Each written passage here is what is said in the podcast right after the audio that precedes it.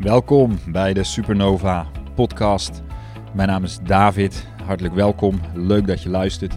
In deze podcast gaan we uitgebreid in op een aantal actuele dingen. We delen ook uit ons eigen leven een aantal voorbeelden waar wij uitgedaagd worden om grenzen aan te geven, maar ook waar we, ehm, ja, we gaan in op uh, de collectieve schaduw, maar ook de schaduw in onszelf. Uh, wat dat is, hoe je daarmee omgaat. Um, en nog over heel veel andere dingen die denk ik heel relevant zijn in uh, deze tijd waarin we leven. Voordat je gaat luisteren heb ik even twee korte vragen aan je. Ten eerste, als je vaker naar deze podcast luistert en je vindt hem waardevol, dan vind ik het super fijn als je deze wilt delen met een vriend of vriendin. Met iemand uit je omgeving waarvan je denkt van nou ja, die, die heeft er wat aan. Um, en het tweede wat je kan doen, wat je terug kan doen voor me, is dat je even een korte review of een rating zeg maar achterlaat in de Spotify of de Apple Podcast app. Dus dank je wel daarvoor alvast. Um, en uh, nou ja, ik denk dat het een uh, hele waardevolle podcast is geworden. Uh, en ik hoop dat je ervan uh, geniet. Dus bij deze. Welkom bij de Supernova podcast. Mijn naam is David. Leuk dat je luistert. Ik zit hier samen met Trientje. Opnieuw. Ja. Trientje, Opnieuw. welkom. Opnieuw, want we hadden vandaag eerder een podcast opgenomen. Uh, jij zei, David, ik wil een podcast opnemen, want ik heb iets te delen. Ik zei, nou prima, want ik heb helemaal niks te delen. Uh, dus laten we dat doen. Um, maar uiteindelijk kwam er in de, een heel gesprek op gang, die we hadden opgenomen. En ik luisterde dat terug vanmiddag. En ik luisterde mezelf en ik denk, dit is helemaal niet wie ik ben. Ik hoorde mezelf praten en ik denk, David... Ik vond het confronterend. Het was ook interessant, want de podcast ging, gaat onder andere over schaduwwerk. Dus daar gaan Ja. we het nog eens over hebben. Maar het bracht bij ons wel een heel interessant schaduwstuk naar boven bij mij. Uh, wat ook in onze relatie zich wel laat zien. Um, en wat bij mij weer een hele geschiedenis heeft. Maar waar, waar, wat ik wel even zo gespiegeld kreeg. Ik onderbrak jou ook een paar keer. Ja. Weet je? En dat hoorde ik mezelf doen. En ik, ik wilde mezelf er helemaal uitknippen. Dat is natuurlijk ook gelijk een, een soort van zelfveroordeling. Um, vond ik wel interessant om te zien. Um, maar goed, daar heb ik echt wel even naar moeten kijken bij mezelf. En toen zei ik ook van ja, maar dit moeten we even opnieuw doen. Nou, dat zei je niet gelijk. Maar Nou, oké, dat zei ik niet gelijk. Nou, Ja, omdat het inhoudelijk wel heel goed was. Weet je, inhoudelijk was ja, het echt ja, wel ja, goed. ja, ja. Maar we zeiden gelijk wel van ja, wauw. Ja, het was een gigantische, mooie spiegel. Juist precies rondom het thema schaduwwerk. Ja, Eh, eigenlijk de schaduw die je eigenlijk bent gaan zien. Door jezelf terug te luisteren. Ja, weet je, ik zeg altijd van, oh, als je in je triggers durft te gaan en naar je schaduw durft te kijken, dat is gewoon een geweldig cadeau. Maar het is vandaag 11-11. ik zei nog, het is vast een soort portal hè, om inzicht Ik te zei, ja, daar geloof ik krijgen. niet in hoor, zei ik. En het, het was echt zo'n wow, echt. Nou ja, ik denk Download. iedereen dat, dat als je... Kijk, wij, het, ik kan mezelf, iedereen, je kan jezelf niet de hele tijd zien en observeren. Ik kijk door mijn ogen naar de wereld. Dus sowieso is het jezelf terughoren op een... eh, Dat, dat is voor mensen al soms confronterend. En voor mij gaat het niet over mijn stem, maar het gaat over de... We hadden het ook over energie. Weet je, het gaat Mm. ook over de energie waarin ik dus blijkbaar zat. Wat bij mij achteraf, ik denk, ja, maar dit is helemaal niet wie ik ben. Ik zag zo'n verschil tussen... Ehm, nu ben ik ook de laatste tijd wat dieper in mijn eigen human design aan duiken, in mijn, wat ze motivation innocence noemen. En voor mij, ja, ik, ik- dat gaat over dat je helemaal geen enkele agenda hebt. Dat je niet iets wil duwen, dat je niks hebt te veranderen, dat je niks hoeft te... eh, nou ja, goed, dat zit Je- in mij. Observeert. ja, en dat voel ik dus ook heel erg in me. Alleen ik heb mijn hele leven in de transference daarvan geleefd. En dat was de preacher. Weet je, dat is de, de desire. Dat je iets, het idee hebt dat je iets moet veranderen. Dat je En wel dus- een agenda echt hebt. Ja, want een preacher heeft een agenda. Een agenda. Ja, die, die wil iets, die wil, die wil dit zijn toehoorders Nou, iets duidelijk ja, maken. en het, het, het bizarre is natuurlijk, hè, je vader is een preacher. Hè? Of nou ja, die kan. ik kom uit een gezin van preachers, mijn opa. En ja. je opa, Dat, dat maar ken ik heel ook- goed. Ja. dat is de, je mannenlijn. Maar je vader is ook een manifester met een totaal andere energie. Ja, En hè, voor hem klopt dat dus gewoon veel meer. Ja. Hè? En ineens ging je vandaag zien van, oh my god, ik probeer dus eigenlijk dat al mijn hele leven te zijn. En daar zit een soort kramp en een geduwde energie in, waar, ja, waar, ja bijna waar, waardoor je gespannen staat op een bepaalde manier als je daarin zit. Ik zeg ook niet, dat heb je niet altijd, hè. Maar Nee, ik ben dat is wel een, een soort programma wat dan aangaat. Zeker op zo'n moment dat het apparaat aangaat. Niet altijd, hè. Maar ja, om dat gewoon vandaag te zien, dat was wel echt... eh, Nou, het is voor mij, ik ben natuurlijk al veel meer met die energie aan het voelen over die innocence en wat dan die transference is. En ze zeggen van, ik geloof dat Ra dat zegt, hè, van de meeste mensen leven in transference. En dat kan ik ook zo terugzien, heel mijn leven. Kan ik zeggen, oh ja, daar en daar en daar leefde ik heel erg vanuit die desire. Ja. En nu ik steeds meer terugkeer naar mezelf, eh, moet je, ja, dat is ook een onderdeel om dat stuk weer af te leggen. En ik merk dan wat er dus gebeurde in onze podcast. Ehm, jij wilde iets, iets delen, wat helemaal prima is, maar ik wilde dat ergens gaan sturen. Ja.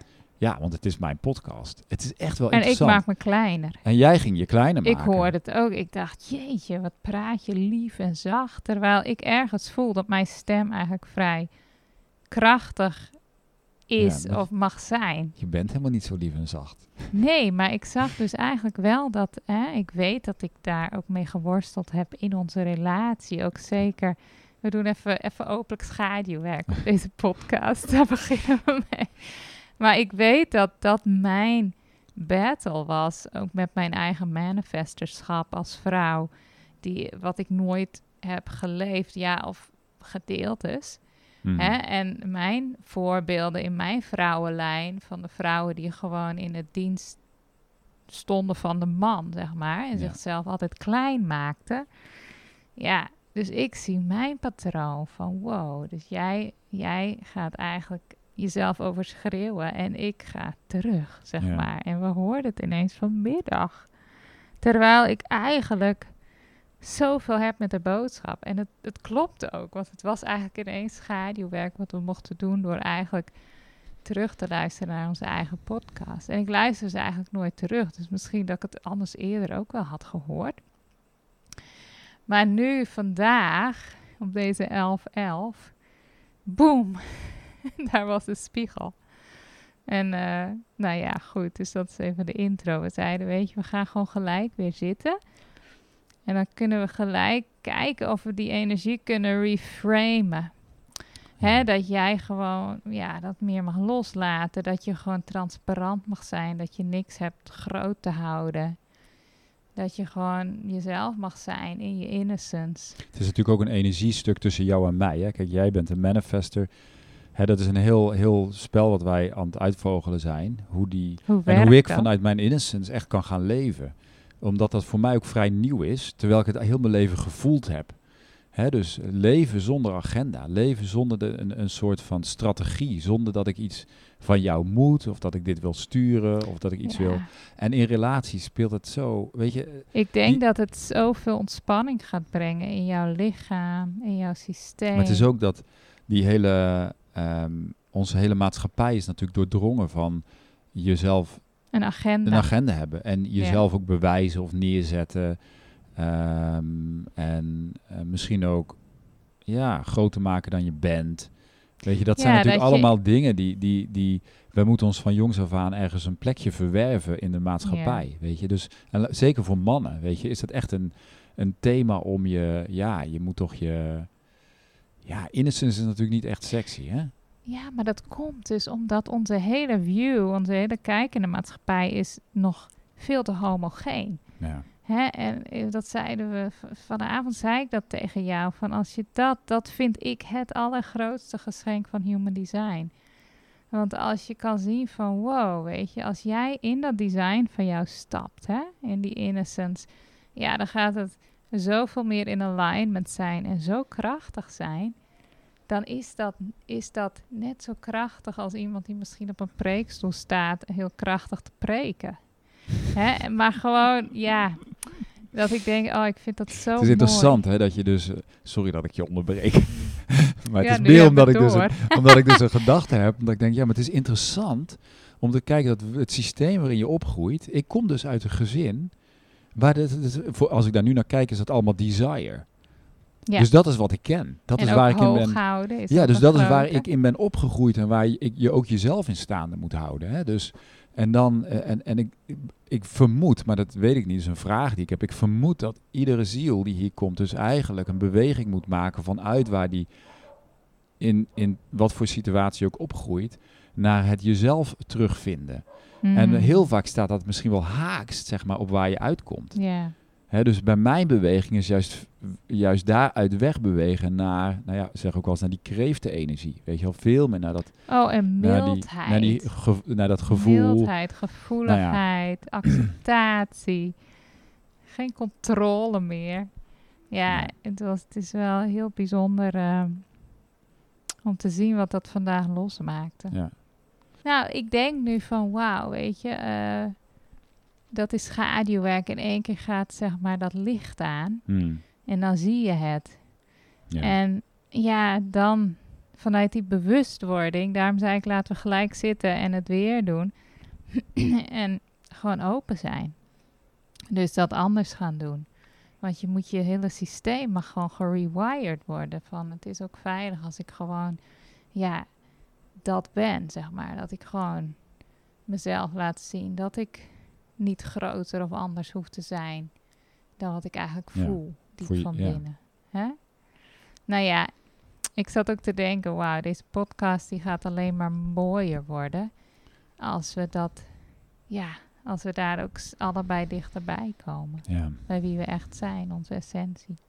Kijk, wa- waar we het vanmiddag dus over hadden, was, waren twee punten. We hadden het dus over schaduwwerk. ehm, Ja, alles komt naar boven, zei je. Door deze wereld, door Ja. wat er nu in de wereld gebeurt, zien we dat alles boven komt. ja, dus dat, daar duiken we even in. Dus wat dat betekent op het niveau van de wereld, maar ook in je eigen leven. En wat ik eigenlijk, wat de eerste insteek was voor de podcast, was hoe ehm, ja, eigenlijk jezelf voelen. Hè? Echt leren voelen waar je resonance zit en je grenzen aan kunnen geven en toch in verbinding blijven. Mm. En eigenlijk die sweet spot. Precies, want jij had daarom, jij had daar iets met die grenzen Ja. aangegeven. Dus dan Dus daar had ik een situatie die best wel intens was met, eh, ja, met een vriendin hier. En daar wil ik iets over zeggen ook straks. Maar inderdaad, laten we nog even dat schaduwwerk. Wat ik heel erg duidelijk ook zie, is wat er nu gewoon wereldwijd gebeurt. Kijk, als iets in de schaduw is, hè, dus ook in ons leven, wat er vandaag gebeurde, pas doordat het boven kwam en in het licht kwam, ja, dan zie je het. En dan kan het getransformeerd worden. Zolang iets natuurlijk nog ergens weggestopt zit in je lijf Hmm. en je weet niet eens dat het er zit en je wordt gewoon getriggerd hè, en je blijft op de oppervlakte triggeren, ja, dan verandert dat nooit.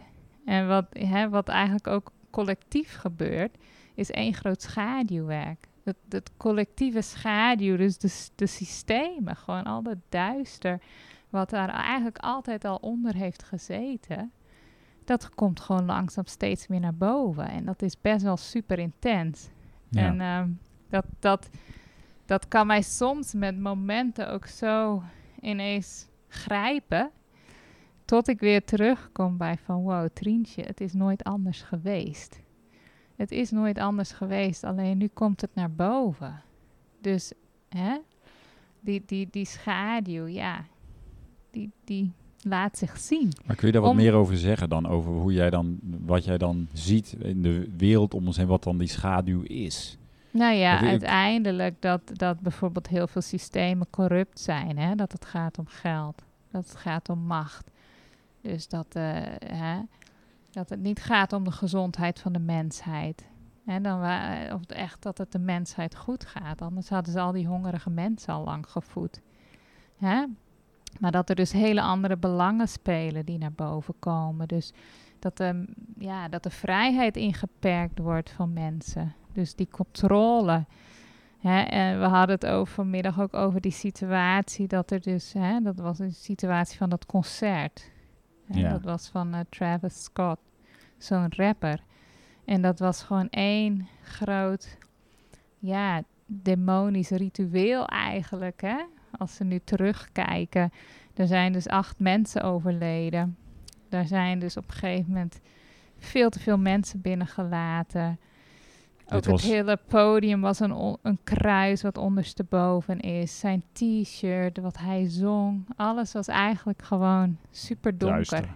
En, en die hele mensenmassa is helemaal gek geworden. En er zijn gewoon allemaal mensen gewoon onderuit gegaan, overleden. Ja, gewoon een heel donker, donker gebeuren. En ehm, dat soort dingen gebeuren. Ik denk, ja, dat is die co- collectieve schaduw die, die gewoon naar boven komt. En ik denk dat we alleen maar meer van dat soort dingen gaan zien. Ja. En dat kan best wel spannend zijn. Ja, zij eigenlijk Maar- wordt... Het is dus de weg naar verandering. Net zoals op microniveau, wat wij vanmiddag meemaakten. Het is op microniveau kan ik zien, dan word ik altijd heel blij. dan denk ik, yes, dit is gewoon, dit is de winst in het leven, dit soort momenten. Ja, want het is dat- vrijmaking Dat het licht aangaat, het is de weg naar vrijheid. Want zolang, zo- zolang dingen nog verstopt zitten in jezelf, blijven ze zeg maar je beïnvloeden zonder dat je er grip op hebt of het überhaupt ja, door hebt soms. Dus dat geldt denk ik ook voor het collectief. Hè? Maar dat is natuurlijk wat moeilijker te zeggen als je allemaal grote shit boven ziet komen. Van wauw, weet je, yes. It's exact, exactly what has to happen. Gewoon om te transformeren, maar het is wel zo. Hè? Ja. Nou, nu ben je wel heel stil. Nou ja, ik Je mag- luister naar jou. je mag wel ook Ik wil je niet onderbreken. meepraten. Jongens, we moeten een hele nieuwe dynamiek ontdekken. Ehm, nee, ja, ja, nee ik, ik luister. Ik denk, ik, ik, mijn vraag is eigenlijk van oké, want dat noemde je vanmiddag en dat is natuurlijk wel interessant. Van oké, de schaduw die dan, noemen we dat dan even de schaduw, hè, dat wat, wat, wat, wat we om ons heen zien gebeuren in de wereld. Hè, dat ergens is dat een afspiegeling ehm, van een menselijke conditie. Die in Ja. ons allemaal zit. Hè. Dus ik, ik dacht net toen jij dat zei, denk ja, dat is eigenlijk, uiteindelijk is het gewoon het ego-stuk van de mens. Ja. Con- jij noemde controle en macht. Nou, ik herken controle in mezelf. Ik Ja. weet wanneer ik in controle wil Het schieten. is op microschaal. Hè, dus ik zie wel van oké, controle zit in iedereen. Hè, dus op het moment dat ik zeg van wat is dat, dat, eh, of ik focus alles naar de buitenwereld toe en van wat is er allemaal fout in de wereld en wat is er allemaal mis met die systemen, terwijl dat systeem zit ook in mij. ja. Ja, uiteindelijk zitten al die, al die dingen die wij daar zien, zitten op dat microniveau En- in onszelf. En, en wij zijn op dat niveau niet beter. Maar de, de transformatie, denk ik, die, die wie, ik las dat pas ergens, vond ik heel mooi. Die zei van ja, de, de collectieve transformatie, die is een individuele transformatie. Als Ja. genoeg mensen individueel Ja, transformeren, dan is er een kritieke massa. En dan verandert uiteindelijk ook de maatschappij. Dus, Ja. de maat, dus de maatschappij, dat ben jij. Dat is natuurlijk een individueel Ja. proces. En als, er niet, als, als je alleen maar bezig bent met nou ja, die buitenwereld, zonder ondertussen je eigen werk te doen, ja. Ja. dan verandert er nooit iets. nee, en dan verandert de maatschappij niet echt. Nee. Hè, want wat, waar we allebei allemaal op hopen is een echte shift. Een wereld met meer vrijheid, meer liefde. Ja, dat begint toch echt doordat we zelf onze shit verwerken en naar boven laten komen. Anders gaat die wereld er echt niet in één keer aan de buitenkant komen. Hè? Nou ja, als je het dan Dat- zo messy als het dus in de buitenwereld kan gaan, als dus de boel naar boven komt, zo messy is het ook in Ja. ons eigen leven. ja, als het tu- tussen ons bijvoorbeeld iets naar boven komt wat echt rauw is. Hè, dus het is niet per se een mooi, het is niet per se een mooi pretty proces. proces. Nee, ik kan dan echt. Ik heb dan heel vaak momenten dat ik denk van, oh jeetje, Trientje, heb je, wow, wat heb je nog veel shit. Hè? Eh, gewoon op dat moment en de volgende dag dan denk ik, oh, wat mooi. maar het proces van dingen die boven komen vraagt eigenlijk heel veel grace, heel veel liefde voor jezelf, geen oordeel. En dat is misschien eigenlijk ook hoe we, hoe we misschien tegen de wereld soms aan moeten kijken Nou ja, die purging, dat we daar ook soms met andere ogen, het heeft allemaal zijn plek. Maar ik denk het va- ook in je eigen leven, het vraagt zoveel grace. Anders kan je het niet eens naar boven laten komen. Hè? nou ja jij, jij bent daar vind ik wel goed in. Want ik, ik, ik ga zelf wat eerder misschien in de zelfveroordeling van, nou ja, ik knip mezelf dus eruit. Wat meer betekent van, het is een soort zelfveroordeling. Eh, misschien dat mannen en vrouwen er allebei op een andere manier mee omgaan. Ehm, maar ik denk dat het voor, voor een man eh, misschien wel wat meer is. Of dat kan ook met mijn. Het is natuurlijk ook weer het familiesysteem waarin je uitkomt. Waarin dus bijvoorbeeld schuld en schaamte een, grote rol speel, spelen. Hè? Ja, En jij gaat ik zei daarnet namelijk tegen Ja. jou van, oh ja, dan heb ik het gevoel dat er een soort van biecht moet zijn. Hè? Dat is dan mijn, hè, je moet met je, nou ja, de, de diepe imprintingen van het kind, dat je ja, het nooit eigenlijk goed genoeg doet voor, eh, voor God, zeg maar. Hè? Ja, Hè, dus dat is dan mijn, mijn- een stuk van mijn verhaal waar ik dan, waar ik dan terugzie in één keer. Terwijl dat Ja. al jaren niet in mijn bewustzijn is. Maar dat komt dan in één keer naar boven, ja. uit het niets bijna. En dan denk ik van, wow, dat is een diepe imprinting van die schaamte over dat je het als mens hè, niet goed genoeg doet. Ja, wat voor mij, hè, ik, ik, ik, voel, ik voel dat ook echt wat ik net zei. Van, oh wauw, het is dan een soort feestje. Van, oh wat een mooi inzicht. Wauw, wat mooi dat dat boven komt. Terwijl ook, ja, het is ook iets heel intens natuurlijk. Maar ja, jij voelt er dan schaamte bijna over. Wil daarvan wegbewegen. Maar dat heb je vandaag niet gedaan. Want je hebt dus eerder wel eens gevoeld toen je terugluisterde. Maar toen ben je daar niet ingegaan. En vandaag Nee, maar het heeft denk ik te maken met dat ik daar langer in dat onderzoek met mezelf zit. Hè? Dus Ja. voor mij is het niet nieuw. Ja, Alleen ik was denk ik, nu voelde ik in één keer van, hé, hey, maar dit ben ik niet, weet Ja. je. En dat is natuurlijk wel heel, bijna confronterend. En ik moest dat denken moet aan... Een, durven, hè? nou ja, ik moest voelen. denken aan een, een, een ehm, Ramdas, vind ik heel inspirerend. Hè? De professor van Harvard uit de jaren 60, die... ehm, hij beschrijft dan op een gegeven moment zijn eerste paddenstoelentrip. Hij was professor bij Harvard. Hij had eh, Timothy Leary. Nou, het is een heel, heel interessant verhaal. eh, waarin dus de twee eh, psychology professoren dus onderzoek gingen doen met geestverruimende middelen. En hij beschrijft daar zijn eerste paddoreis waarin hij in een stoel ging zitten. En dan zag hij op een gegeven moment zijn ehm, delen van zichzelf voor zich in de kamer. Hè. Dus hij zag dan op een gegeven moment zijn professorschap voor zich. En toen zag hij van ja, dat is maar een rol. Dat is niet wie ik ben. En toen zag hij zijn, ehm, een andere deel van hem, een rolletje die hij speelde. En waar die identiteit aan ontleende. Hij beschrijft dat echt heel mooi. Ik zal de link hieronder in de podcast zetten. En ik denk, het- ergens hebben we allemaal als mensen, denk ik, ik herken dat, hè, een soort verlangen om, om een soort van egoloos bestaan te leiden. In, e- egoloos in de zin van, ja, dit is niet wie ik ben, weet je. Je wil, ehm, ja, maar ergens hou- willen we ook vasthouden aan die identiteit. Hè, van, ja, maar dit is wie ik ben, ik heb dit bereikt en ik ben, nou ja, Pietje en ik heb bla bla bla bla bla. Ik ben David, ik woon op Bali, bla bla bla. Hè, maar het, loslaten van, van die, die dingen waar we dan onze attachments aan hebben, dat is Mm. eigenlijk echt bevrijding. Hij beschrijft dat heel mooi in die, in die paddoreis. En ik, ik heb dat zelf ook al een paar keer mogen meemaken, maar in de rot van iedere dag, hè, dan Ja. merk ik toch en denk van wow, daar zit ik toch nog even vast in die, in die attachment aan die, nou ja, noem het maar op, weet je. Ehm, De preacher. Of nou ja, en die, die, die, dus die, iedere keer die delen loslaten. Misschien is dat uiteindelijk waar dat schaduwwerk dan heen leidt. Dat je, die, dat je kan loslaten over, oh, maar dit is wie ik ben. Of dit is wie ik moet zijn. Hè? Dus dit is, uiteindelijk is dat iets wat je moet zijn voor in de maatschappij. Of, die wat je man moet met bereiken. een agenda die Nee, maar- gewoon ja, het weet. En eh, dat Nou ja, stukje of- controle. of de, de, ja, gewoon waar je identiteit aan ontleent. Ja. Hè? Dus wat je, wie je bent, wie je bent geworden, wat je hebt. Wat je, of wat je niet hebt. Hè? Dat, Ja. Ik bedoel, en, eh, ja, dus dat, dat, dat loslaten van die, van die stukken, van, van die gehechtheden, dat is denk ik een heel mooi proces. ja. Dus het kwam toevallig wel allemaal bij elkaar afgelopen dagen. Dus op Ja. zich is het wel weer heel mooi. Ja, dat is toch, ja, ja, dat kan je niet zelf bedenken dan, hè?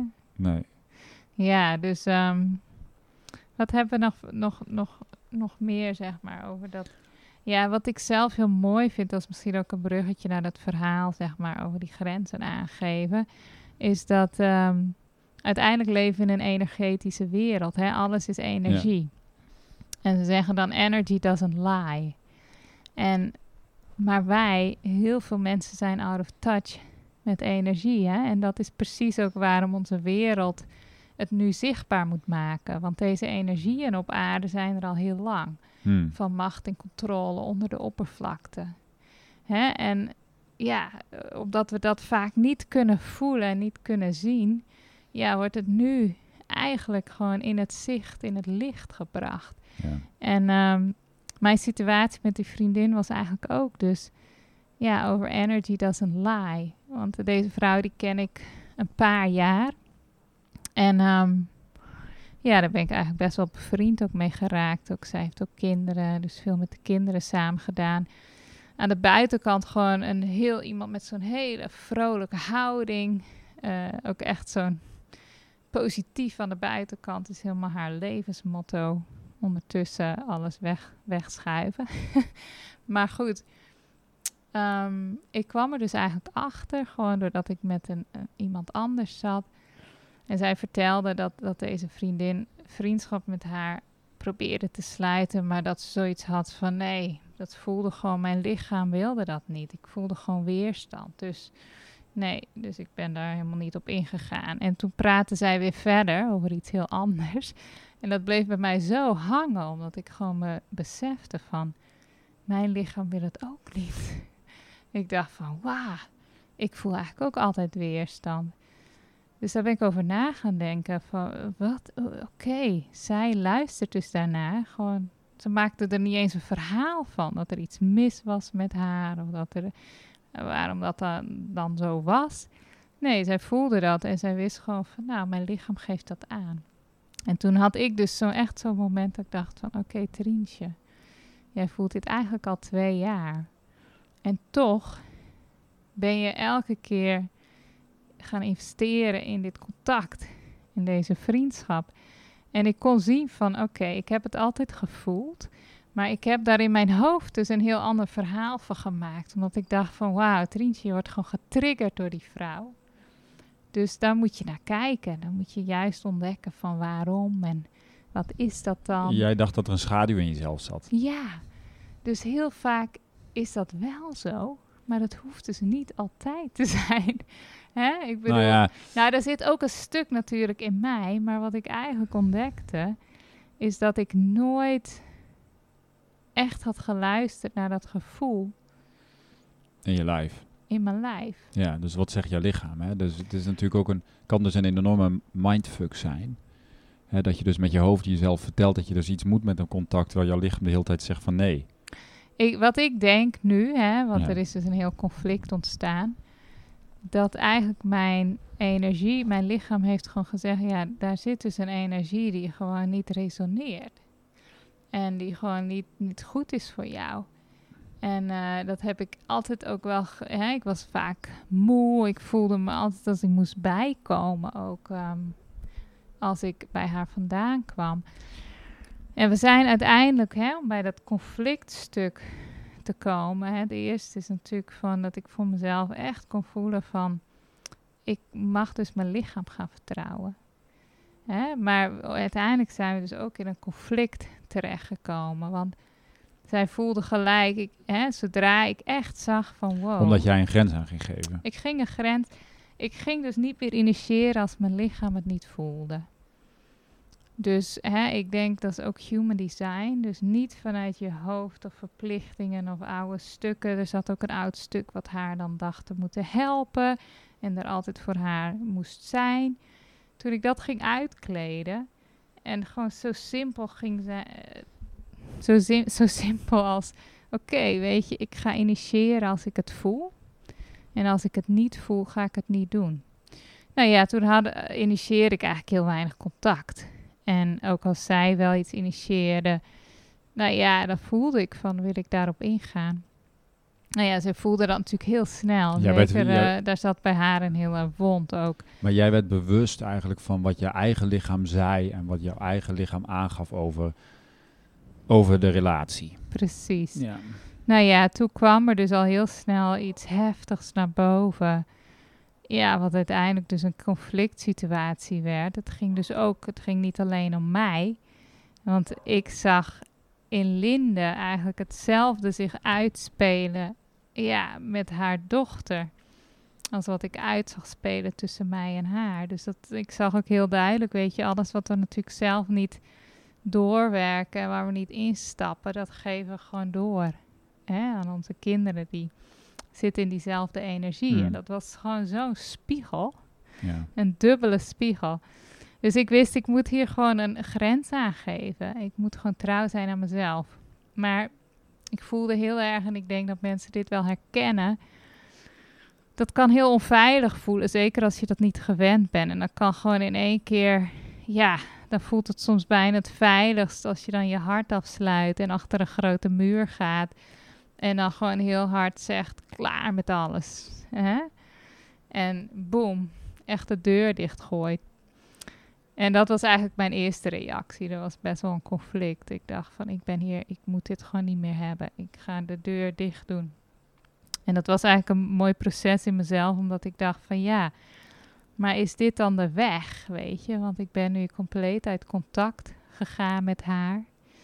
En ehm, er was dus ook een kind in het spel. En hè, mijn eigen dochter die zoiets had van wow, maar ik, ik die gewoon ook gewoon moeite had met dat het contact in één keer zo werd afgebroken. Dat ik ook voelde van oké, er moet een andere weg zijn. Maar wat is, wat, wat is dan voor jou de kernles? Ik merk dat ik even een beetje afdwaal in mijn gedachten. Maar... Ja, er, nou, het was het zoeken naar de sweet spot van dat je dus echt trouw bent aan jezelf.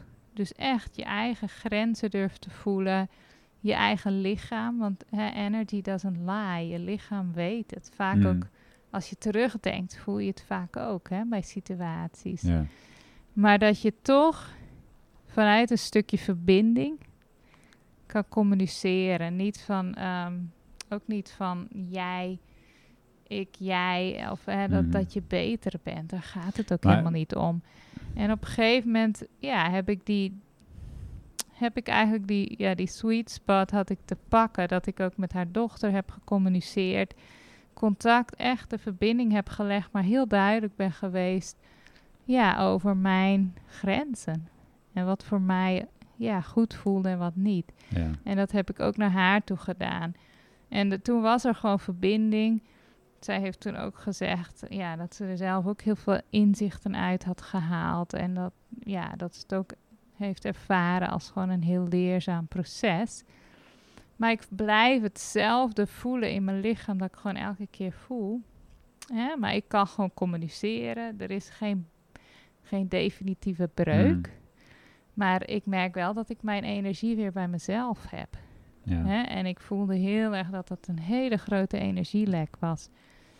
En eh, ik heb dat weer teruggenomen en ik heb dat afgegrensd.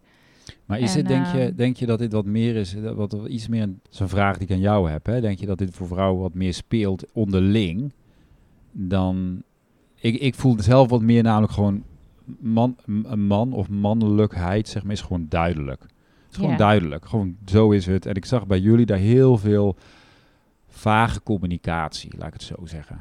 Ja, ik denk het mannelijke geeft duidelijke grenzen aan. Hè? Dus Ja. ik denk wel grenzen aangeven is misschien vaak voor vrouwen moeilijker.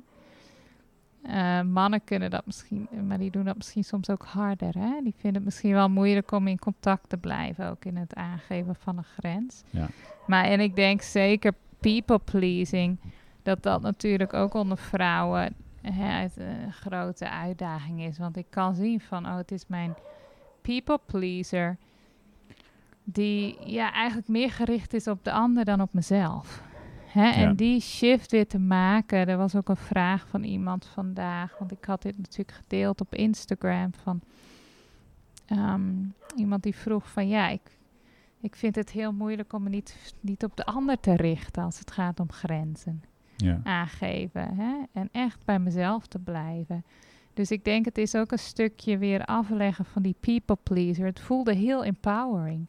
Ja. En ik wist ook dat ik het moest doen, want nu had het dus ook effect op mijn eigen kind. Ja. En het had effect op onze relatie. Ja.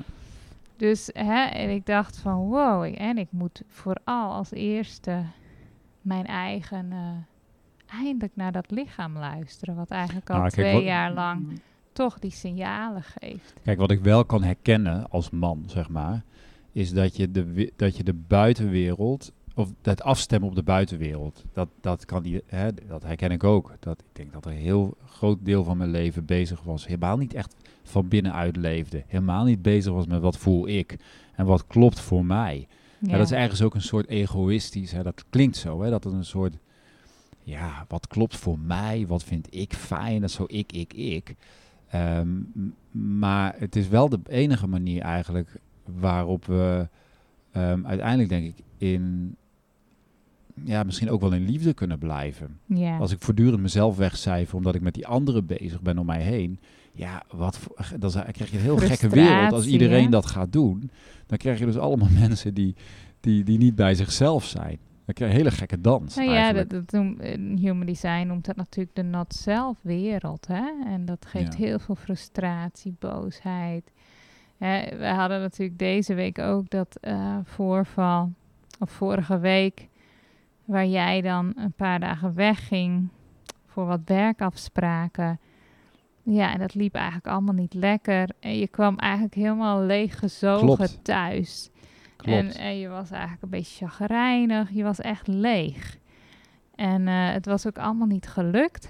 Ja, toen was ik natuurlijk benieuwd. Zeker omdat we heel veel met human design ook werken en daar actief altijd ja, mee bezig zijn. Heb je eigenlijk echt naar je lijf geluisterd? Hè? Je hebt een sacral authority. Dus dan moet Nou je echt in je buik moet je eigenlijk een ja voelen. Nou ja, wat ik had, wat, wat ik, eh, toen dacht ik, ja, was ik dan aan het pleasen, omdat ik hier met een, nou ja, een andere business aan het opzetten ben met een vriend. En toen voelde ik van, eigenlijk had ik gewoon niet de tijd genomen om Hmm. naar mezelf te luisteren. Dat was eigenlijk het heikele punt. Ik denk dat vergeten we denk ik vaak. Tenminste, ik ja, wel dus dan. het was hè. niet eens dat Dus- je het wel had gevoeld. Want als ik wat maar- beter had aangevoeld, dan had ik wel gezegd van... hé, hey, eigenlijk is dit nu niet het moment. Hè, dus mijn valkuil is dat ik dan te snel gewoon meega in wat er zich aandient. Hè, ehm, en, maar misschien is dat ook wel een stukje... Misschien is dat ook wel een stukje geen nee durven zeggen. Maar ik, eer- eer- eerder voelde ik van... Ik heb gewoon niet stilgestaan bij wat zegt mijn lijf. Maar dan had je het gevoeld, hè? Maar- dan had ja. je niet, niet... Ja, het was uiteindelijk een, frustrerende ervaring, wa- wat ook weer niet een hele, heel drama is. Maar Nee. zo leer je eigenlijk wel van... Weet Nou je, ja, je lijf weet Ik het. denk dat het heel veel gebeurt in eh, werksituaties of samenwerkingen of business of, of gezinnen, partners. Hè, dat je altijd interactie hebt tussen meerdere mensen. En sommige mensen zijn veel meer dominant Hm. met hun energie dan een ander. Als je niet dominant bent met je energie van nature, ja, dan ga je, ben je eerder geneigd om mee te gaan. Hè. Dus dan is het belangrijker om in te tunen en te voelen. Voor mij is dat heel belangrijk. Ik Ja. lijk misschien dominant, maar in, energetisch ben ik dat eigenlijk niet. Snap je? Dus dan, Ja, niet als je echt in jezelf nee, dan zit. ben ik hem. Dan, maar dan, Anders ben je- heb je wel iets dominants. Maar Ja. dat is natuurlijk zo'n not-self-dominantie. Dank je.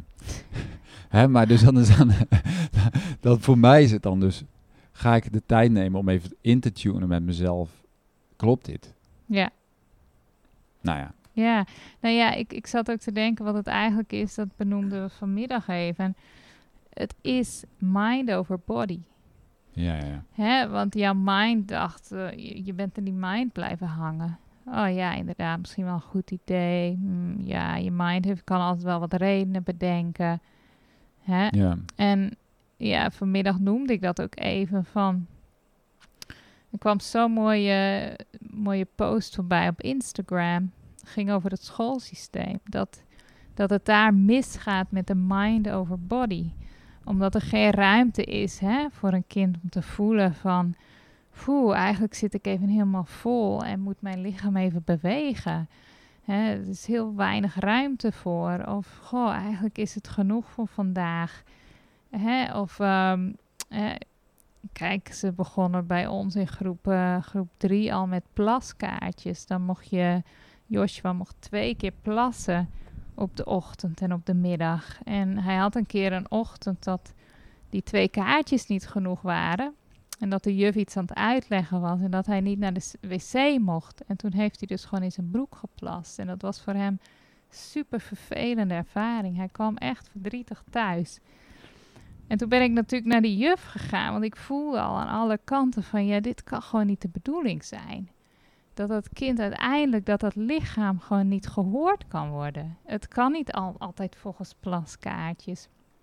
En eh, het was heel moeilijk om tot die vrouw door te dringen, omdat zij alleen maar bezig was met al die stof die er doorheen moest. En dat ze gewoon ongestoord die stof moest gaan hè, uitleggen aan die kinderen.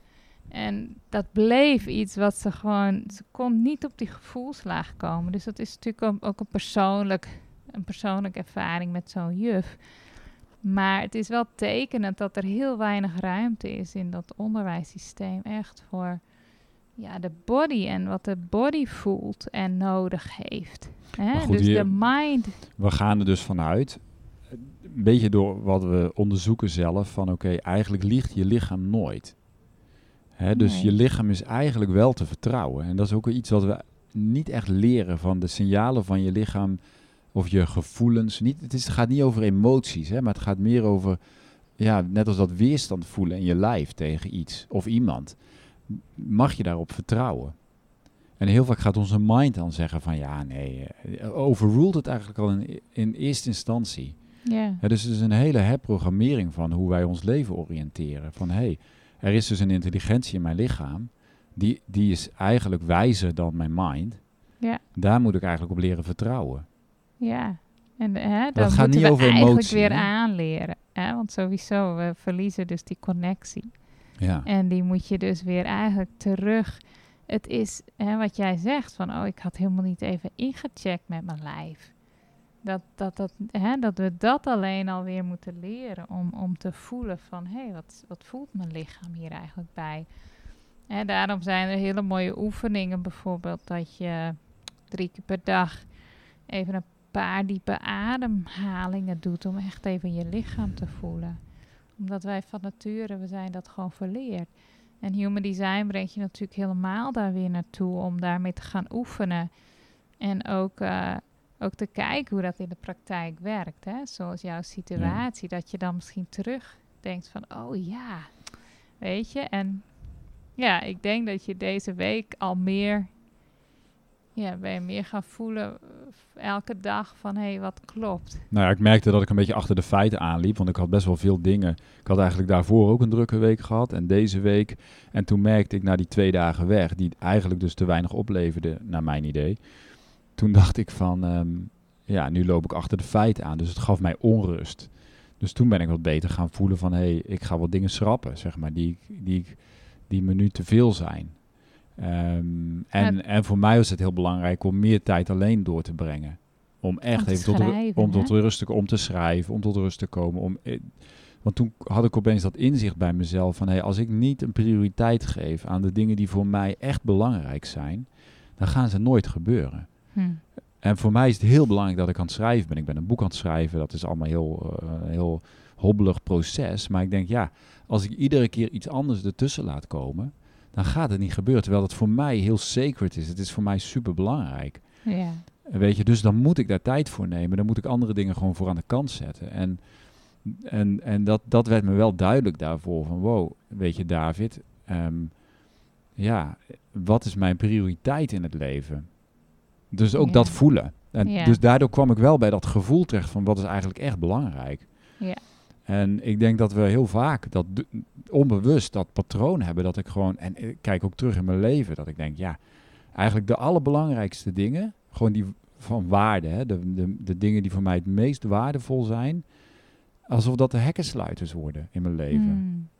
Dus dan geef ik, ja, dus dat ergens heeft dat misschien ook met grenzen te maken. Hè, dat je ook zegt van, hé, hey, dit is voor mij belangrijk, dat gaat vooraan. En alle andere dingen moeten dan maar even daarna. Ja, en toch ook vanuit dat hoofd dat je denkt wat allemaal moet en Ja. dat je daarin verliest. Hè? Want Ja. eh, ik weet nog wel dat we deze week dat ik zei van ja, wat, wat voel je? Wat, wat wil je echt? Hè? Waar, waar word je echt blij van?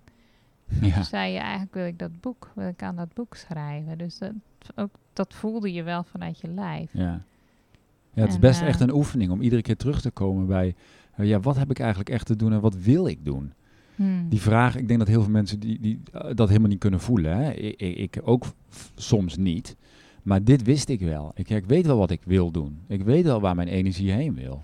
Maar dit is, Maar- hè, ik maar- denk, dit is zo- zo'n belangrijk proces waar de mensheid nu in zit. Dat is voor mijn gevoel teruggaan naar je eigen soevereiniteit.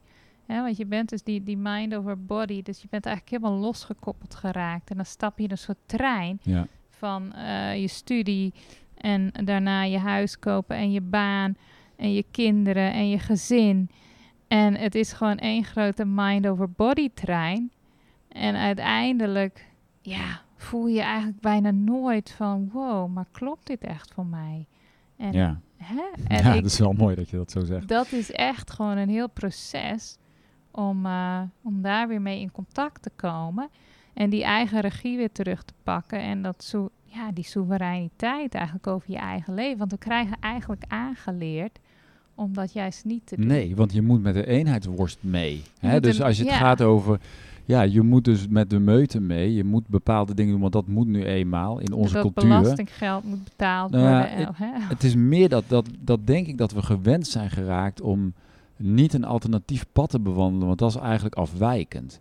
Zo- Afwijkend is ook onbekend. Ja, dat is dan het plaatje van je hoofd boven het maaiveld uit. Maar eigenlijk zijn we toch allemaal prachtige individuen die eigenlijk gewoon omhoog steken uit dat maaiveld. En onze eigen prachtige, wauw, bloem vormen of wat dan ook. Ja.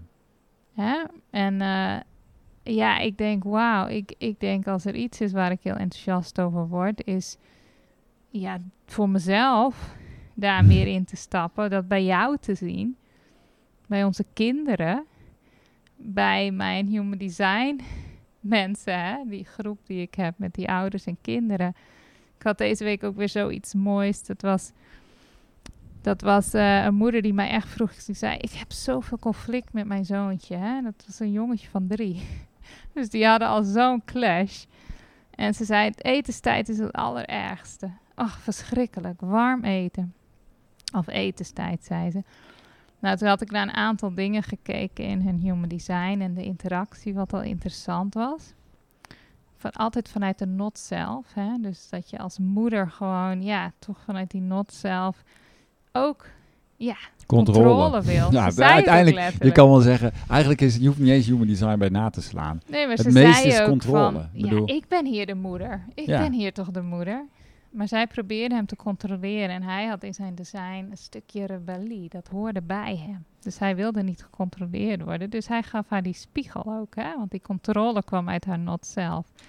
Maar toen ging ik kijken naar dat eten, want dat kan je ook vinden in, human design. Eigenlijk hoe een kind hoort te eten, wat het beste is voor zijn gezondheid, hersenontwikkeling, vertering. Dat was bij hem koud eten, cold food.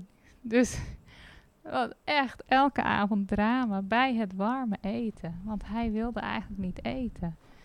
En dat kind voelt het dus aan. Hè? Wij komen op aarde, we zijn best wel in touch. Hij was drie, dus hij voelde eigenlijk nog aan wat hij nodig had. Maar ja, wij denken homogeen. Iedereen eet hetzelfde. We hebben warm eten, wat de pot schaft. En eh, elke avond Dat is ook was het het meest strijd. ingewikkelde. Het- Ma- mag ik daar één, één dingetje aan toevoegen om, om het toegankelijk te maken? Want eh, de oplossing zou ook gewoon zijn de strijdbel neergooien. Je kan ook zeggen, weet je, ik ga niet meer de strijd met mijn kind aan. Mijn kind wil dat niet eten. Heb je geen human design voor nodig? Je kan ook gewoon de, de, de bal bij jezelf neerleggen en zeggen, waarom doe ik dit mijn kind aan? Om het maar even toegankelijk te maken voor, voor, voor meer mensen. Hè? Je hoeft niet een heel... eh, het, de, de, het, het gaat om van kan ik herkennen. En ik herken het, want ik heb ook ja, een heel controlerende tijd gehad met eten met mijn kinderen. Dat wist ik heus wel, dat het controlerend was. Alleen ik was er niet aan toe. Omdat ik zo attached was, kon ik dat niet loslaten. Maar je moet dus bereid zijn om je eigen controledrang los te laten. Dat is het moeilijkste. Precies, en dat is daar gaat het eigenlijk over. Eh, Maar dat is voor iedereen, denk ik. Ja. ja, al weet je inderdaad niks, niks van human design. Nee. Inderdaad, dan, dan nog eh, om gewoon te weten van ja, dat je niet alles kan controleren bij je kinderen. Ik denk En voor controle is natuurlijk... Maar het ja. is natuurlijk wel veel gemakkelijker om in vertrouwen te gaan als je dingen gaat begrijpen. ja, oké. En dat zie ik bij deze moeder ook. Er viel gelijk heel veel van haar af. En dat gaat haar enorm helpen om die controle los te laten. Ja. Want wat helpt je? Hè? En Ja, dat ja. hebben wij zelf ook ervaren. Dat we natuurlijk veel meer vertrouwen gekregen hebben in eigenlijk onze eigen kinderen. En misschien ook wel in onszelf. Ja, ik weet niet. Als ik daar zelf... Ik vind het wel interessant dat je het noemt, maar ik denk dat er ergens een knopje bij mij dan hè, is omgegaan dat ik gewoon denk, ja... Ja, bijna niet, niet onverschillig, maar dacht, ja, weet je, Joshua, als jij gewoon acht eieren op een dag wil eten, joh, dan moet je dat maar lekker doen. Hij is 14. Hè, en hij komt er vanzelf wel achter. dat- en nu ook, nu wil hij aan de smoothies. Hè, dus het loslaten is soms ook, voor mij was het meer niet zo, Ja. nou, ja, ik weet het niet. Ehm, het is een Ja. combinatie van beide misschien. Ik denk, ik denk, ehm, ik denk dat het ons heeft geholpen om die grip los te laten en uit die angst te komen. Gewoon door het diepe besef van wauw, we zijn allemaal gewoon heel verschillend. Ja. En ehm, dat is Nou, het even- uiteindelijk. Even terug over die schaduw waar je in het begin over hadden, die, die controle. Ehm, controle is natuurlijk wel een heel interessant onderwerp. Want waarom voel ik de neiging om te controleren? Daar zit ook een soort onveiligheid onder. Hè? Hmm. Dus op het moment dat ik mijn kinderen wil controleren, of jou, ik wil dus dit sturen, nu dit gesprek, ik heb daar een agenda. Hè, dat komt doordat ik het voor mij dan onveilig is om dat allemaal los te laten. Ja, dus en, en zit- waar ben je dan bang voor? Dat is natuurlijk interessant. Ja, dus dat is dan de vraag. Hè? Het onderzoek is dan van, hé, waarom heb ik hier de neiging om dit dan zo te willen sturen of controleren? Ja, en wat, is je, wat voel je daarbij? Nou, ik voel daar nu niks bij. Ik kan daar even nu niet bij. Ja, Maar het principe meer van, oké, daar, daar, dat is dus waar ik dan in moet duiken. ja precies. Kijk, ik kom er wel terug, als ik terugkijk naar die tijd van dat, waar ik heel diep in het veganistisch eten zat, daar kan ik wel zien van, oh ja, want het had dus met identiteit te maken. Ik ging identiteit ontlenen aan een, aan een bepaalde levensstijl. Dus dan kun je die niet loslaten en dan moet ook iedereen mee in je omgeving. Dat is die Hmm. desire, de priest. Hè, dus als ik dan heb Ja. over die, dat is eigenlijk helemaal die transference. In mijn geval is dat transference. Bij een ander kan het heel anders zijn. Hè? Ja, Maar precies, ik kan maar dan, terugzien- dan voel je weer die energy doesn't lie. Hè? Als Ja. het in alignment is met iemand, dan is het Ja, inspirerend. want- ja, precies. En bij jou voelt het onderdrukkend. Ja, Ja. Dus dan denk ik van, oh ja, dus dat, maar dat is, was uiteindelijk denk ik het onderzoek. Dat is natuurlijk het onderzoek wat, wat je moet doen naar jezelf. Naar wie ben ik eigenlijk ja. echt? En je kan het dus voelen aan de energie. Hè? Is de energie expansive? Hè? Dan, dan klopt het. Maar is het zo inkrimpend? Hè? De- een beetje bedrukkend? Ja, dan weet je eigenlijk altijd al dat het een stuk not self is. ja. En dat geeft je eigenlijk al, eh, dat geeft al zoveel informatie. Maar het helpt wel om te weten waar dat... hoe- Maar goed, dat, dat, dat is iets wat je misschien dan achteraf pas gaat Dat- zien. dan kan je waar dat door komt. gaan. Hè? Waar komt dat dan door? Waarom grijpt zeg maar, het, het, het stukje ego daar zo aan vast?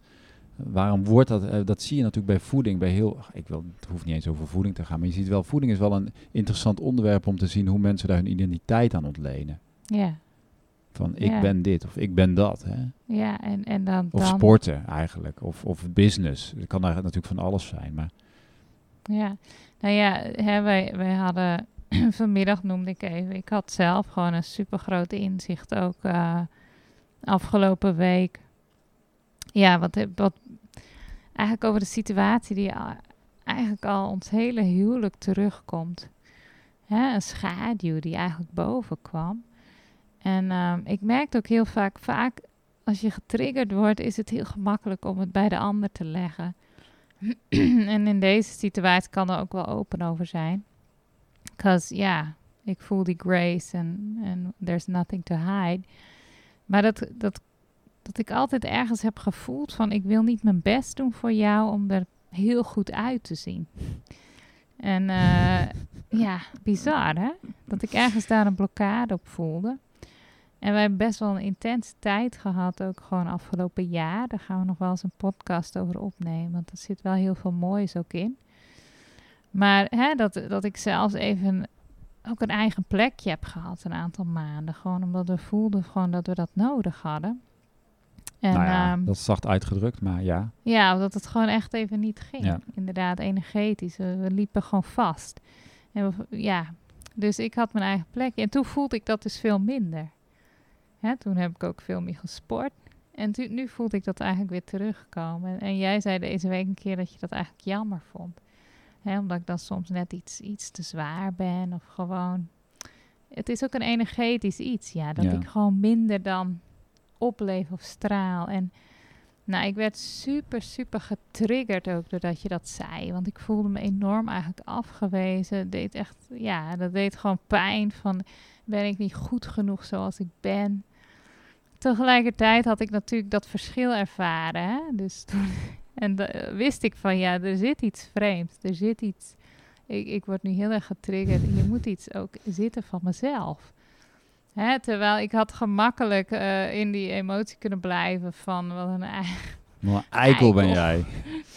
Hè, je man. moet me gewoon helemaal goed vinden zoals ik ben. En nu zal ik zeker niet meer mijn best doen. Hè? Dat is dan het gevoel wat boven komt. Maar ik dacht, weet je, oké, ja, ik, ik moet hier ook in doorvoelen. Want anders blijven we hier gewoon elke keer hetzelfde rondje lopen. Dus toen ben ik eigenlijk gewoon op mijn bed gaan liggen en echt gaan voelen. En gaan schrijven. En ja, toen, kwam, toen zag ik het ineens. En het had gewoon eigenlijk alles, net zoals bijna alle dingen die je in je relatie tegenkomt. Gewoon vader- en moederstukken, zeg maar.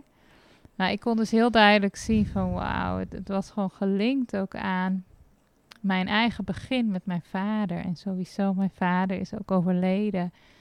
Mijn vader, dat is heel erg de, de rol, de eerste man in mijn leven die gewoon druk was. En ja, waar ik niet heel erg ja, belangrijk voor was. Maar hè, een stukje van mijn, mijn, als ik even terug ga, toen ik geboren werd, ik was de tweede dochter en mijn vader was boer. En uh, ik heb altijd een soort gekke gevoelens gehad als meisje al, dat ik me iets minder gewenst voelde. Hè, daarna hebben mijn ouders nog twee jongens gekregen. En uh, ja, bestaansrecht dingen en nooit, nooit goed begrepen Hmm. waarom. Tot mijn moeder gewoon jaren geleden een keer tussen neus en lippen door tegen mij zei van ja, ja, toen jij geboren was, ja, weet je, ja, je vader die moest echt twee weken lang heeft hij ongeveer nodig gehad om, om te wennen aan het feit dat je een meisje was. Hè? En um, ja, energetisch heeft dat iets in mij achtergelaten. Hè? Want zelfs als kindjes, hè, als baby's, Ja, pikken we Ja, energie spons, op Ja. in de, in de buik van de moeder al. En daar zat dus eigenlijk Mijn vader had high hopes, maar die werden toch eventjes... Ja, ik bedoel, hè, eigenlijk, je hoort gewoon vol liefde en vreugde ontvangen. ontvangen, te worden. Hè? En, en dat, dat zei onze therapeutenvriendin Riet toen ik hier eigenlijk achter kwam. Maar Trientje, je hoort vol liefde en vreugde ontvangen te worden. En weet je, dat heb je niet gehad. Dus dat, Nou, dat zit ergens in je systeem. Hoe is dat voor alle kinderen die met een handicap worden geboren? Vraag ik me hardop af. Ja, maar goed, dat, dat- maar even terzijde. Ja, ja, absoluut.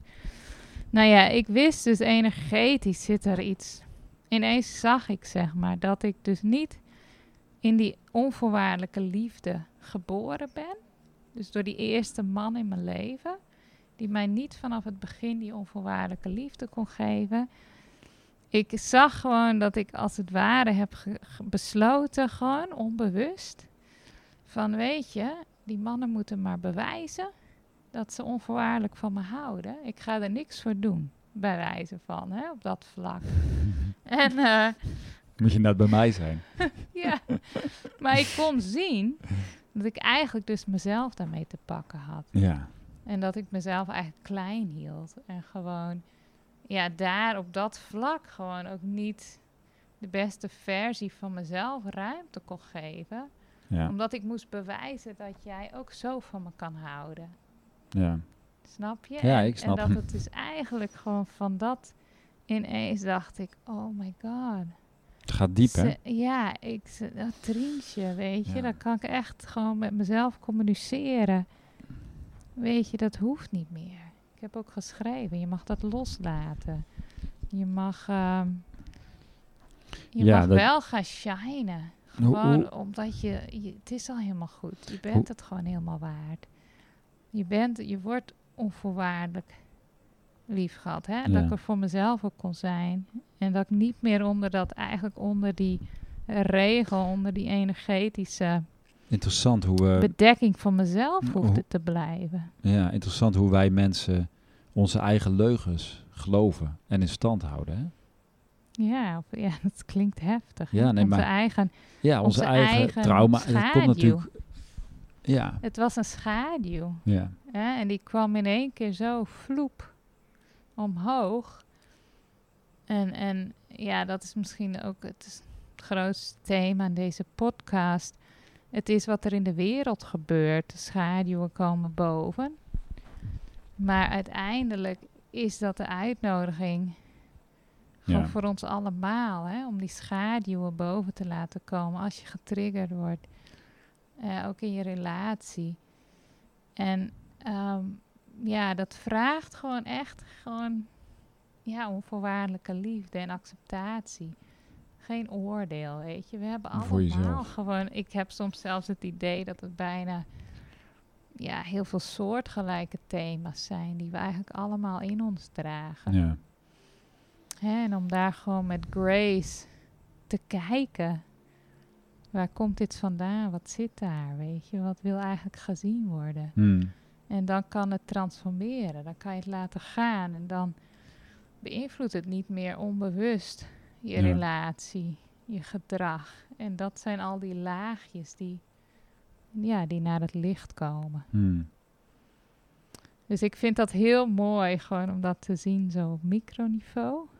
En ook gewoon nu heel duidelijk ja, op macroniveau in de wereld. Hmm. Ja. en ik denk dat we daar ook vertrouwen uit mogen putten dat dat, dat ook gewoon moet gebeuren. Hè, want iemand had ook de vraag van eh, hoe ga je om met angst? Dus met wat er in de wereld gebeurt. Mm. Hè? En daar hadden we vanmiddag ook waar we even op ingegaan van om te vertrouwen van op dat niveau ja, dat het de manier is om, om die dingen uit de schaduw omhoog te laten komen, zodat ze kunnen transformeren. Maar ook weer, als je heel veel angst hebt, ja, dat komt ook altijd uit je eigen systeem. Angst wordt naar boven gebracht. Want dus het zit. Ja, daar zitten ook haakjes. ja natuurlijk. Dus om ook in je eigen angst te duiken. Hè? En jij vertelde daar vanmiddag wat over, omdat jij met je open mild in human design ook echt wel gevoelig bent voor angsten van buitenaf. Dus van het collectief. Hmm. En dat je ook wel hebt geleerd om daarmee om te gaan. Ik denk dat dat, ja. Is dat een vraag van je? Nou ja, ik denk dat de angst. ehm, maar zo zie ik het. Hè. Ik denk, alles wil begrepen worden ergens. We moeten even sn- begrijpen van, hé, hey, hoe, waarom heb ik deze angst? En Mhm. waarom, hoe, ergens, hoe dient deze angst mij? Het is ook belangrijk. Van waar, eh, wat heb ik blijkbaar eraan dat ik deze angst voel? Het is ook vaak een soort beschermingsmiddel. Hè? Of een Mhm. bescherming van... ehm, oh, zeker ook een overlevingsmiddel. Als je het hebt over angst. Is, is in, in evolutionair gezien is het overleven. Het staat over ja, je hachje redden. En, en nu, kijk, er kan natuurlijk ook angst zijn wat gewoon heel erg aangepraat wordt. Hè? Als je iedere dag maar het nieuws kijkt, ja, dan kun je hartstikke bang worden voor de Hmm. toekomst. Tra- Op wat voor nieuws je ook kijkt. Ja. Ja, dus het is ook onderzoeken van welke angst is echt van mij en wat is eigenlijk niet van mij, maar, maar laat ik toe doordat ik gewoon mijn luikjes openzet. Ja. Ben ik gewoon zo, zo kwetsbaar, ben ik zo open dat ik gewoon beïnvloedbaar ben.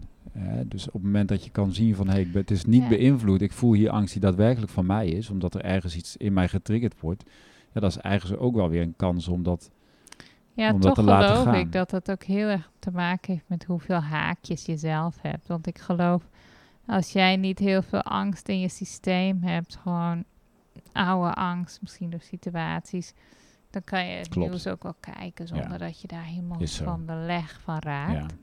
Dus het is wel interessant als je heel veel angst voelt om daar ook in te gaan. Ja. Te kijken van waar ben ik bang voor. En welke onveiligheid zit daar in je lijf. Want dat is vaak een onveiligheid die dieper gaat. ja, precies. En eh, ja, dat is ook weer een uitnodiging. Ik ben dus- op een gegeven moment, ik had een periode, die periode die jij net aanhaalde, waar er van alles naar boven kwam bij mij. En toen ben ik dat iedere ochtend ben ik gewoon dat gaan voelen. Ja, Al die, en, en in plaats van erbij weg te bewegen, wat ik denk ik vroeger deed, was van nou ja, gaan sporten of iets gaan doen om de energie in beweging te brengen. Hè. Dat is ook heel populair trouwens om nu te doen. En het, het werkt ook wel. Hè. Dus als je dan ademhalingsoefeningen gaat doen of whatever, dat kan heel erg helpen om dat lichaam in beweging te, te brengen en om dingen te... Alleen ergens wil het ook doorvoeld worden. Hmm. Hè, dus toen ben ik iedere ochtend echt gaan voelen van en erbij te blijven. En Ja. dat kan, hè, en, en angst kan, kan, als het heel overweldigend is, kan het ook omslaan naar paniek. Hè? ja, En dat heb ik ook zelf een aantal keren ervaren in mijn leven, dat het paniek toeslag. Hmm. En, en het eerste wat je wil doen is wegbewegen. Hè, dus nu, of ja, misschien is de oefening wel om te weten van oké, maar eh, eh, er gebeurt niks, weet je. Hmm. Gebeurt niks, maar voel het dan maar even. ja. En ja. dan daarna gaat het wel weer kan je het wel weer in beweging gaan zetten. Je hoeft niet heel de dag angstig door het leven te gaan. Maar het helpt wel, denk ik, om het gewoon dan ja, met jezelf daar doorheen te, te gaan. Van hé, hey, waar- waarom ben ik hier nou zo angstig? En mag het er dan even zijn? Ja, precies. Want eh, dat is ook de acceptatie van dat, dat die angst er mag zijn. Hè? Want je kan ook angst hebben voor de angst. Hè, dan moet je een stapje terug en eerst even omgaan met die angst voor je angst. En als je daar rust over hebt, ja, dan kan je ook weer beter die angst voelen en een plek geven en die laten. Ja, één, moment kan ik me herinneren dat ik dus inderdaad angst voelde en ik wist dat het eigenlijk een onveiligheid was. Was bij Daniel in zijn huis. Weet je, was op mijn verjaardag Ja, anderhalf jaar ja. geleden. Toen had jij mij daar achtergelaten met een zakje paddo's. En toen heb ik dus in mijn eentje een paddotrip gedaan. Toen kwam ik een heel onveilig stuk terecht. En het was echt wel spannend. Het was heel spannend. Ik was er alleen. En ik kon me daar op zich wel doorheen dragen. Maar ik vond het... Het was gewoon... Het bracht... Er kwamen allerlei dingen die naar boven werden gebracht. En toen kwam Daniel met zijn vriendin kwam aan. Het was, werd echt feest toen. Dat was geweldig. Ik weet nog dat hij... Dus ik zat helemaal... Nou ja, ja, nou ja, ik was daar helemaal in mijn, in, mijn, eh, in mijn gebeuren daar bezig. En toen hadden we daar een heel, uiteindelijk een heel helend gesprek over. En toen zei hij, het is veilig hier. Hmm, Dat was precies wat ik toen moest horen. mooi. Ja, dus ergens is het heel helend om te horen van het. Het heeft mij toen enorm geholpen om te zeggen: het is hier veilig. Ja, En meer met het hier is: het is hier veilig op dit moment in je lijf waar je nu bent. ja en ook nu met, met wat er in de wereld gebeurt. Ik geloof wel, hè, als je die, die, dat werk in jezelf kan doen. En dus steeds meer die veiligheid in jezelf kan ervaren. Dat, hè, ja, dat het een, een stuk helpt, zeg maar, om gewoon hier doorheen te gaan. Ja, Op een manier ja, waar, waar je eigenlijk toch ook empowered blijft voelen en ehm, vertrouwen blijft houden. En dat gaat ook met ups en downs misschien. Hè? Ik bedoel, ik heb ook momenten dat, dat het me ineens weer op een andere manier raakt. Hè? En ehm, waar, waar ik nog wel eventjes, hè, want het gaat dus over de, de schaduwen gewoon zien die naar boven komen. Maar wat natuurlijk wel ook bij heel veel mensen speelt waar we het over hadden, hè? over het voelen van je grenzen en in verbinding blijven, die aangeven. Mijn situatie met mijn vriendin had niks te maken met, eh, met de situatie in de wereld. En, ja het was hè? gewoon een privé situatie, zeg maar. Maar dat is natuurlijk wel wat voor heel veel mensen speelt, ook met familie. ja, ja. En hè, wij zitten een beetje, wij zitten in Bali. Hier zijn de meeste mensen zitten wel een beetje op één page. Onze familie zelfs. Wij zijn wel heel, heel daarin zijn we wel uit. gezegend. Ja, misschien. want eh de ik, kreeg een bericht vandaag van een eh, man en die zei van, ehm, ja joh, ik had echt een ruzie met mijn vader. Eh, Die Ja. vond mij echt, die heeft mij echt voor gek verklaard. Omdat ik er anders in sta dan de rest, weet je. Dus ik, ja, het is natuurlijk, En dan, ja, dan is het denk ik hetzelfde van ehm, neem jezelf serieus. Hè, wat je echt voelt. Blijf daar trouw aan. Blijf trouw aan jezelf. Maar blijf ook gewoon voelen. Is mijn hart open? Hè? En dat is vaak een kwestie van veiligheid. Kan ik in verbinding blijven? Want ten diepste, het gaat niet om goed of fout, weet je. Jij had ook in een ander lichaam kunnen incarneren en die andere persoon kunnen zijn. Zo denk ik dan, weet je. ja, maar, maar, maar dat, dat klinkt voor mij een beetje bijna moralistisch van, ja, je moet je grenzen geven, maar je moet ook in verbinding blijven. Soms lukt het niet allebei. Weet je, is het dan belangrijker om je grens aan te geven of, ja, of Mhm. wordt het een heel filosofisch gesprek of om in verbinding te blijven? Ja, wat ik eigenlijk wil zeggen van, wauw, dat is iets waar je mee kan spelen. Waar je bewust van kan worden. Van, niet om jezelf ook voor je kop te slaan als het niet lukt en je hebt een dikke muur opgegooid en je hebt een, een, een contact om zeep geholpen. ik bedoel, weet je, we leren allemaal gaandeweg. Maar het is wel mooi om te kijken van, ja, uiteindelijk zijn we als mensheid op een heel diep niveau één. En zijn we, zijn we gewoon met elkaar verbonden, weet je. Zijn we, hè, en om ook vanuit die, ja, dat Ja, besef. ik vind het nog een beetje de Holy Saint-achtig. Ik denk wel eens van ja, soms in extreme gevallen is het echt heel gezond om afstand te nemen van mensen. En dan zeg je, dit is gewoon eh, het einde relatie en dan is het ook oké.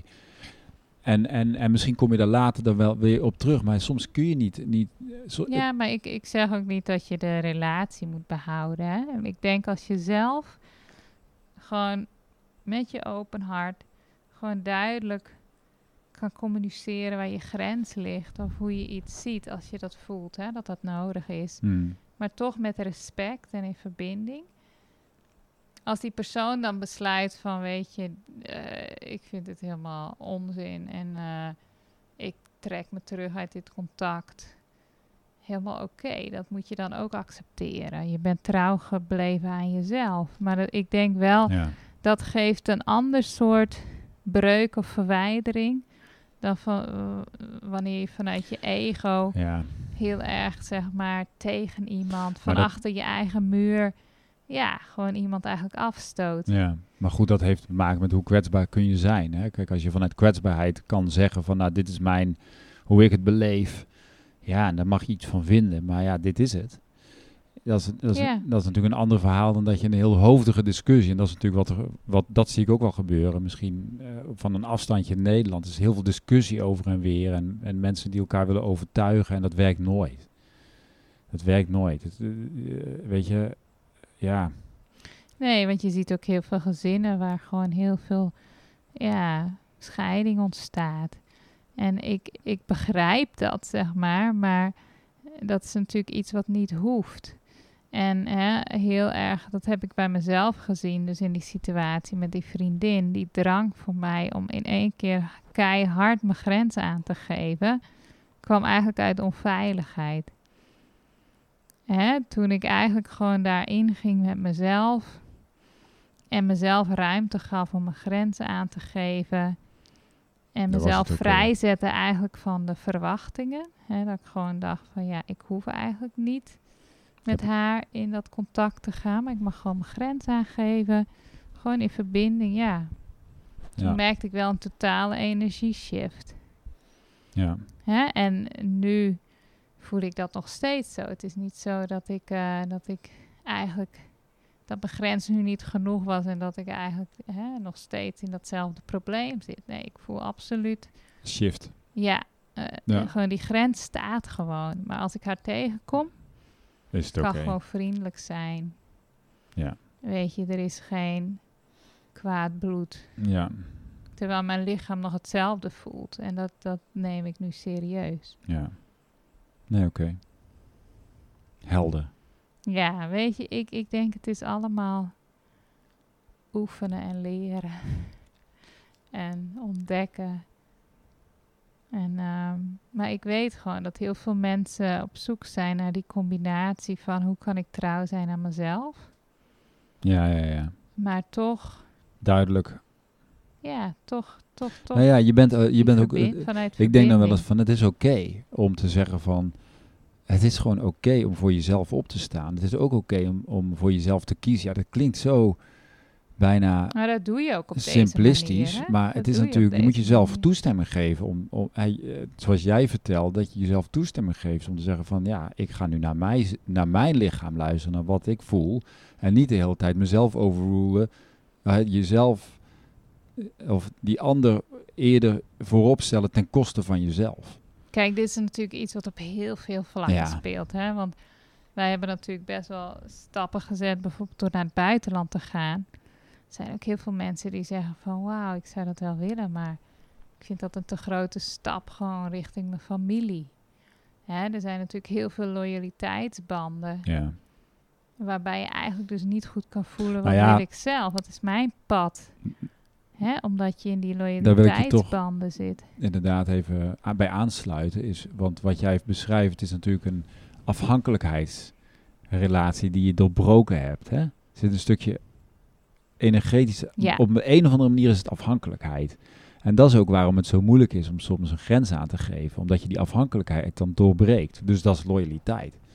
Hè, dus op het moment dat je loyaler wordt aan jezelf en aan je eigen leven, ja, dan geeft het je ook meer een vrijbrief, zeg maar, om, ehm, om, om, om, om niet jouw levensgeluk en jouw levenspad aan de kant te schuiven, omdat je in je hoofd hebt bedacht dat, dat, jij, dat die ander jou nodig heeft. Ja, het Snap is, je? Dus dat, dat, ik had van de week ook een gesprek met, met Ja. mensen. Dat is wel interessant, want ja, ik, ik wil eigenlijk dit, maar ja, ik doe dat niet, want mijn familie.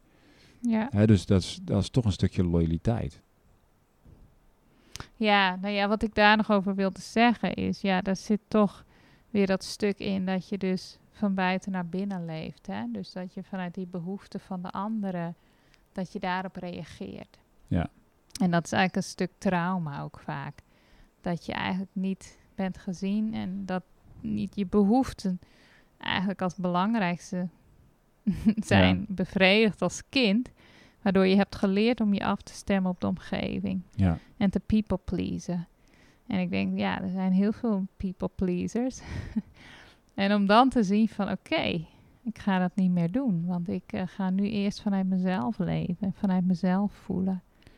Hè? Ja. En dat, dat leer je door vallen en opstaan. Want ik, ik ben er ook weer zo in getuimeld. Dit is natuurlijk, het, dit is natuurlijk wel, wel een heel groot onderwerp, want dit geldt op alle gebieden. Dat je ergens uit een systeem, je breekt dus uit het loyaliteitssysteem, de afhankelijkheidsrelatie. En, dat- en, en dat hebben mensen ook met de overheid. Hè? Dus er is ook een, Hmm. je hebt bij wijze van spreken een afhankelijkheidsrelatie van de overheid of naar het systeem toe, waardoor je bijvoorbeeld jezelf niet toestaat om een ander gedachtegoed of je Ja. gedachten te veranderen over wat er gebeurt in de wereld. Ja, Dat is ook afhankelijkheid. Hè, dat gaat heel ver. Dat speelt eigenlijk, ik denk dat dat in, in al onze relaties ergens speelt. Of dat nu een relatie één op één met iemand is, maar ook een relatie die je hebt met een, met een groep of met je land of met je. ja, het is Hè? in alles eigenlijk Ja. terugkomen bij je eigen essentie. Precies. En je eigen soevereiniteit. En echt vanuit je eigen waarheid te gaan leven. Ja. Ja, ik denk, wauw. Ik bedoel, als, als we dat allemaal steeds meer gaan doen, joh, dat verandert de wereld. Dat verandert ja, maar ik heb geen agenda om de wereld te veranderen, lieverd. Nee, nee, maar ik, mijn, oké, mijn motivation in human design is hoop. Dat maakt mij hoopvol. Dan Ja, denk ik fijn. van, wauw. Ik denk, ja, de wereld veranderen, dat is allemaal wat. Nee, want ik hoor, je leest dan, oh, we gaan nu naar de 5D-wereld. En ergens, Ik ja, denk, is ja, dat voor ach. mij altijd zo'n begrip. Maar dit, dan denk ik, ja, dit verandert de wereld. Als, als we natuurlijk zelf op die manier shiften en vanuit onze e- essentie, on- onze zelf en niet meer vanuit die not zelf. Ja, ja. Maar ik voel niet de behoefte om de wereld, zo van, oh, dat verandert de wereld. Denk ik, ja, nou, dat is fijn als dat ook gebeurt. Maar ja, Ja, maar voor onszelf in ieder geval. ja, ja, ja. Hè, dus ja. Het is fijn dat we het voor onszelf kunnen veranderen. Of dat wij Ja. in, in, een, in een soort Niet, nieuwheid niet dat kunnen jij leven. dat hoeft te doen. Nee, jij mag gewoon je in je ik mag gewoon lekker met mezelf bezig zijn. Ja. Maar ik, vind dat gewoon een mooi plaatje ook voor. Ik denk dat er best wel veel luisteraars zijn. Die ook zien van we zitten in een, een enorme shift naar een nieuwe wereld. ja, natuurlijk. Maar dat is ook zo nou natuurlijk. ja, hè. dat, dat ontstaat zo. ja. Tuurlijk, ja. Het, ja, het is eigenlijk heel, zo simpel. Maar ja, het is, zo, het is ook niet makkelijk om aan jezelf te werken. Hè? Gelukkig, nee, heb, maar eh, ik denk wel... gelukkig ben jij in mijn leven om af en toe even de vinger, Ik vinger denk op de wel, zeg maar... Ja, nou ja, dat is, vind ik, een goede vinger op de zere plek. Hè? Want als je dus naar buiten blijft wijzen... Ja, en de hele tijd bezig bent met ook al die mensen die niet nadenken en het allemaal niet zien en dit en zus en die familie die zo vervelend doet. Ja, dat helpt jouw leven niet verder. Dat helpt niemand de eigenlijk. wereld niet verder, je familie ook niet. het enige wat je ja, jezelf gewoon naar vrijheid brengt, is om gewoon daadwerkelijk in jezelf te doen. Dat die schaduwen ook naar boven kunnen komen, naar het licht. En ik, ja, een relatie is daar ook ja, ge- geweldige tool voor. Omdat je dicht, ja, samen met iemand leeft en elkaar zo triggert. Die schaduwen, die triggeren Wanneer je. ga je weer op jezelf wonen? Ja, misschien als ik even geen zin meer heb in schaduw, hè. Hangt er vanaf hoe, hoe, eh, hoe goed je daarin ontwikkelt. Oh my God. Maar ehm, Ja, ik denk dat we het wel ehm, misschien even kunnen afsluiten voor nu. Hè. Is best veel gezegd. Ik merk dat ik een beetje op ben. Jij? Ik denk dat het genoeg is, hè. Volgens mij is alles wel gezegd. We zijn ook een beetje moe aan het worden, want Ja. het is al laat. Hier wel. Het begint te regenen buiten. Ja. En ehm, Nou ja, het enige wat Ja. ik dan nog wil zeggen als afsluiter is... ehm dankjewel voor het luisteren. Ehm, als jij deze podcast waardevol vindt, dan doe je ons allebei een groot plezier om deze te delen met iemand in je omgeving. Je mag ook een review achterlaten in de podcast-app. Heb je vragen aan Trientje of mij, kun je ons eh, vinden. Mag mij eh, mailen at supernova.davidpieters.com. Wil je misschien doorpraten of een gesprek aanvragen of nou ja, feedback op de podcast, whatever, is welkom. Ehm, meer weten over mijn werk kun je even kijken op davidpieters.com. Dankjewel voor het luisteren ehm, en ik wens jou een hele fijne dag. En tot de volgende. graag gedaan.